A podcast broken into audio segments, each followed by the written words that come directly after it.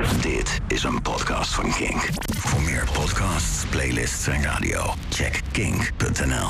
Kink. Kink op de week. De Omicron-variant lijkt steeds meer op een griep en dat is slecht nieuws. En voordat ik uitleg waarom, ja, ik zeg gewoon Omicron. Ik weet wel dat je volgens de Grieken Omicron moet zeggen, maar hey, 55 jaar na de introductie zeggen mensen ook nog steeds magnetron in plaats van magnetron. Dus laten we dat eerst even oplossen. Waarom is het slecht nieuws dat de Omicron-variant steeds meer op een griep lijkt? Nou, de komende tijd ontkom je niet aan de virusgekkies en de wetenschapsweigeraars die roepen: Zie je nou wel, dat zeiden wij al twee jaar. En dat klopt. Of nou ja, ze schrijven het al twee jaar op Facebook met heel veel spelfouten. ze hebben alleen geen gelijk. Want de Alpha-variant, de Delta-variant en de, de ouderwetse afhaal-corona van de Wuhanees... dat waren geen griepjes, maar zeer besmettelijke varianten met een heel hoog sterftecijfer. Laat ik het zo zeggen.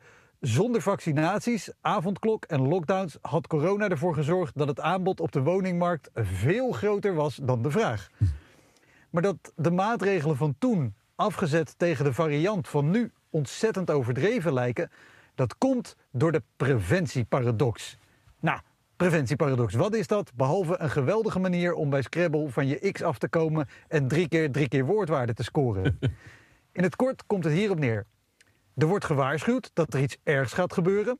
Op basis daarvan worden er maatregelen genomen en vervolgens gebeurt dat ergens niet. En daardoor lijkt het alsof er voor niks maatregelen zijn genomen. Voorbeeld.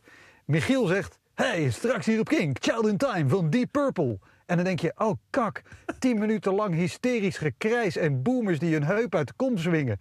Beter zet ik hem even op Kink DNA. Kortom, je neemt een maatregel. Elf minuten later zet je hem terug op Kink.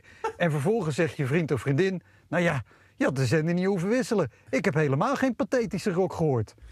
De voorspelling is niet uitgekomen dankzij de maatregelen die je hebt genomen. En dat betekent niet dat de voorspelling fout was, maar juist dat de maatregel goed was. En nu de Omicron-variant wel meer op een griep lijkt en we met steeds minder maatregelen af kunnen, gaan allerlei mensen straks zeggen: Zie je nou wel?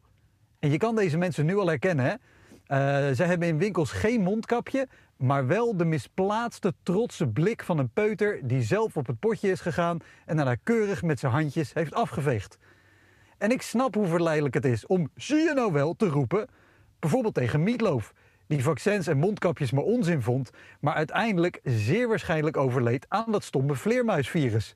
Dat best ironisch is voor iemand die bekend werd met het album Bad Out of Hell. En als je dan zegt, zie je nou wel, dan heb je gelijk. Maar hier is het ding. Soms heb je wel gelijk, maar krijg je het niet.